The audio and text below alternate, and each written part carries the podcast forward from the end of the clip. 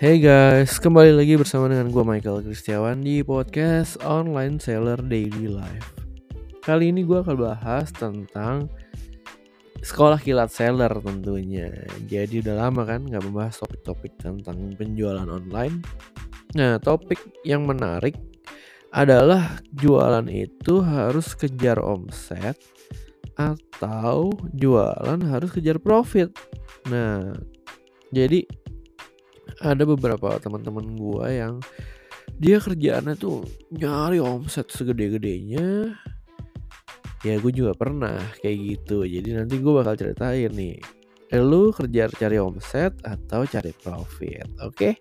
buat yang pengen dengerin langsung aja jangan ke mana-mana tetap stay tune di podcast episode ini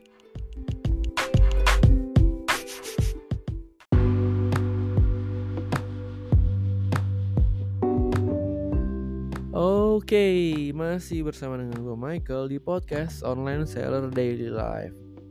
Sekolah kilat seller kali ini gue bakal ceritain tentang gimana lu mengejar omset atau mengejar profit sebenarnya sih dalam jualan itu. Jadi kalau gue jelasin dulu ya.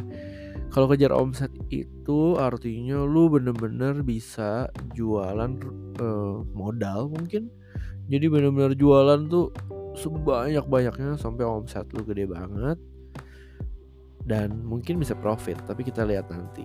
Terus kalau kejar profit artinya lu udah punya hitungan tertentu untuk lu jualan profit tertentu. Contohnya ya eh, gua ngejar profit 20% berarti berarti nih Berarti dari harga modal gue harus tambahin harga packaging, harga bubble wrap, harga staff, harga listrik, harga ini, harga itu, harga ini, delivery service misalnya, packaging kardus, sampai fee marketplace dan lain-lain. Terus di ujung gue tambahin profit 20% gitu.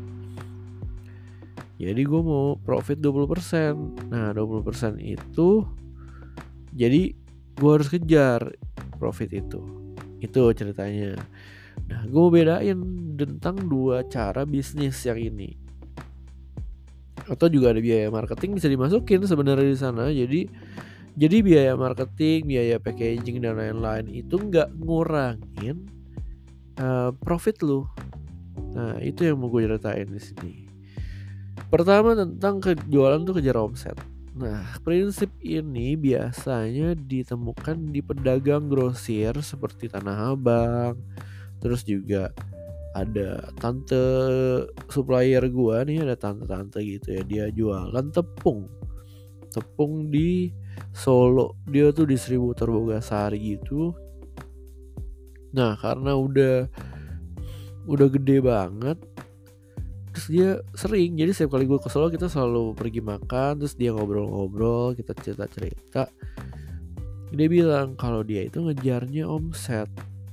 Nah kalau ngejar omset kan dia jual tepung ya. Berarti nggak bisa tuh profit tinggi karena tuh mainnya uh, apa namanya barang komoditi. Harganya murah terus volumenya besar. Jadi dia benar-benar ngejar omset. Tapi ada tempo yang bisa uh, sama dia diputerin. Jadi apa maksud tempo tempo tuh maksudnya utang ya. Jadi gue tuh contohnya ya contohnya gini. Lu uh, bulan ini harus bayar 100 juta ke supplier. Eh enggak sorry gini. Lu dapat duit 100 juta dari orang belanja ke lu bulan ini. Tapi lu bayar ke supplier boleh bulan depan. Jadi lu punya waktu sebulan kan? Nah sebulan itu dia pakai uangnya tuh untuk uh, generate sales dengan cara investasi misalnya tabung di deposito atau apa pun. Jadi ya gue sih nggak tahu nggak percaya ya karena gue belum punya omset sebesar itu. Bukan bukan bukan. Maksud gue uh, gini karena ketika lu punya omset lu harus standby itu uang supaya supaya kalau ditagih supplier ya lu bisa bayar gitu. Nah kalau tante itu tuh mungkin gini ceritanya dia punya dia pasti ada profit. Let's say profitnya cuma 5000 per per satu satu sak karung gitu. Ya ada profit sebenarnya ada untung juga tapi omsetnya gede banget gitu. Jadi jadi profitnya ada dikit tapi kali omset itu jualan main quantity biasanya sih biasanya. Nah kalau di tanah abang ya gue ngeliat sih trennya ya tanah abang tuh orang pada jualan rugi bahkan. Ya karena di tempo ini tuh.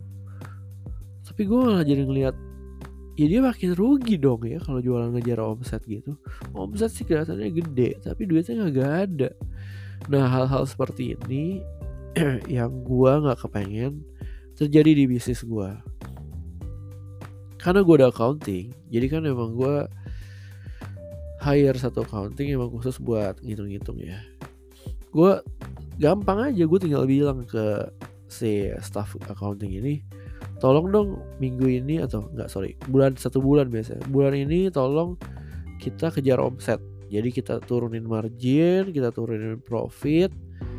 Kita cari tahu nih apakah uh, dengan kejar omset marginnya turun biar maksudnya biar barang laku dulu ya ceritanya.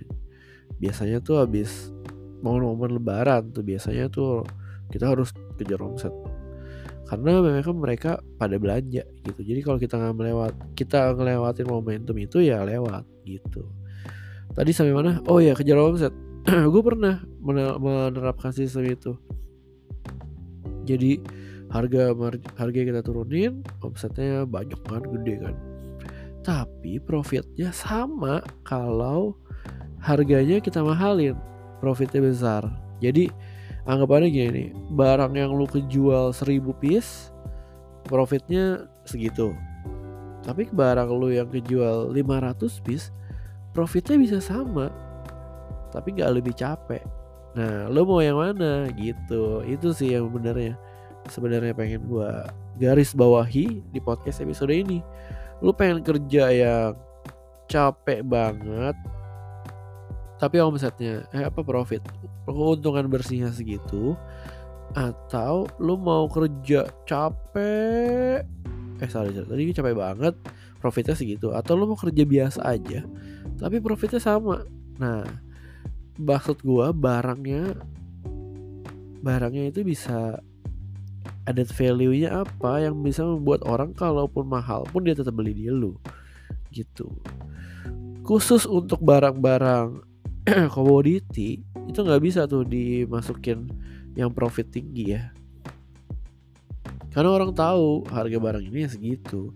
Tapi kalau untuk barang-barang yang uh, niche market atau barang yang gak ada di pasaran yang hanya toko lu yang jual susah handlingnya atau lu importirnya nah itu bisa tuh omset apa profitnya lebih besar.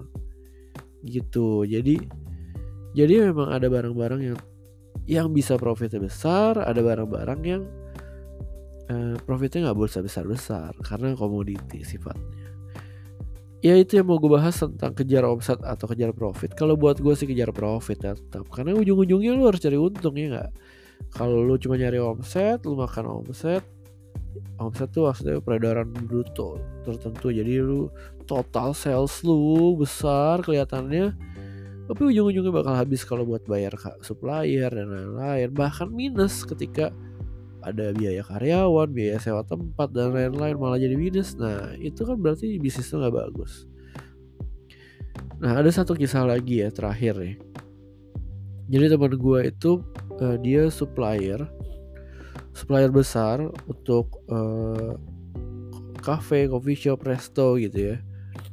Dia profitnya hanya di 8 7 5 sampai 8 persen. Eh sorry 5 sampai 7 persen. Jadi nggak nyampe 8 persen dia bilang. Gue di 5 sampai 7 persen. Nah dengan profit sebanyak eh sedikit itu dia bisa muterin duit sebulan itu 3 sampai 10 m lebih. Nah ini menurut gue bagus ya. Jadi anggapannya profitnya tuh 5% tapi duitnya 5M berapa tuh jadi 5 miliar kali 3% dia setiap bulan 3% lagi apa tadi 5% deh dia setiap bulan dapat untung bersih 250 juta dari bisnis ini.